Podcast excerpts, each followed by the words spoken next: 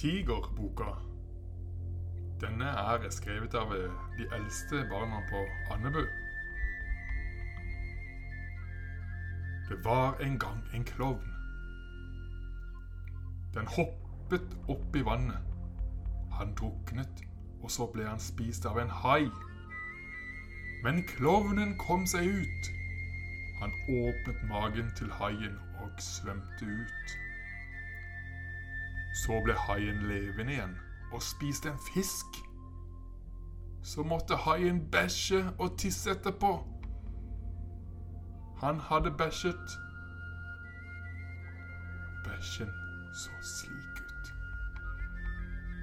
Den hadde øyer, men ikke munn. Så kom Vanjana.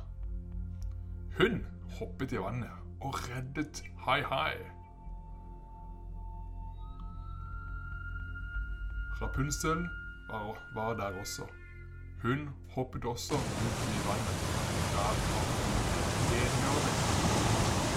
Da ble Rapunzel glad. Så ut fra skogen kom det en, et skummelt, skummelt skjelett. Han gikk og spiste en fugl. Den smakte superekkelt. Ned fra himmelen kom Supermann. Han fløy over hele verden mens han spiste mat. Han var supersulten. Fra Eritrea kom det en fantastisk fotballspiller. Han kunne sparke brennende fotballer.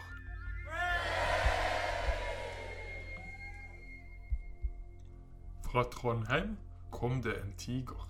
Tigeren spiste en høne. Hoppet opp på låven og startet en traktor som den kjørte rundt i. Så dro de alle sammen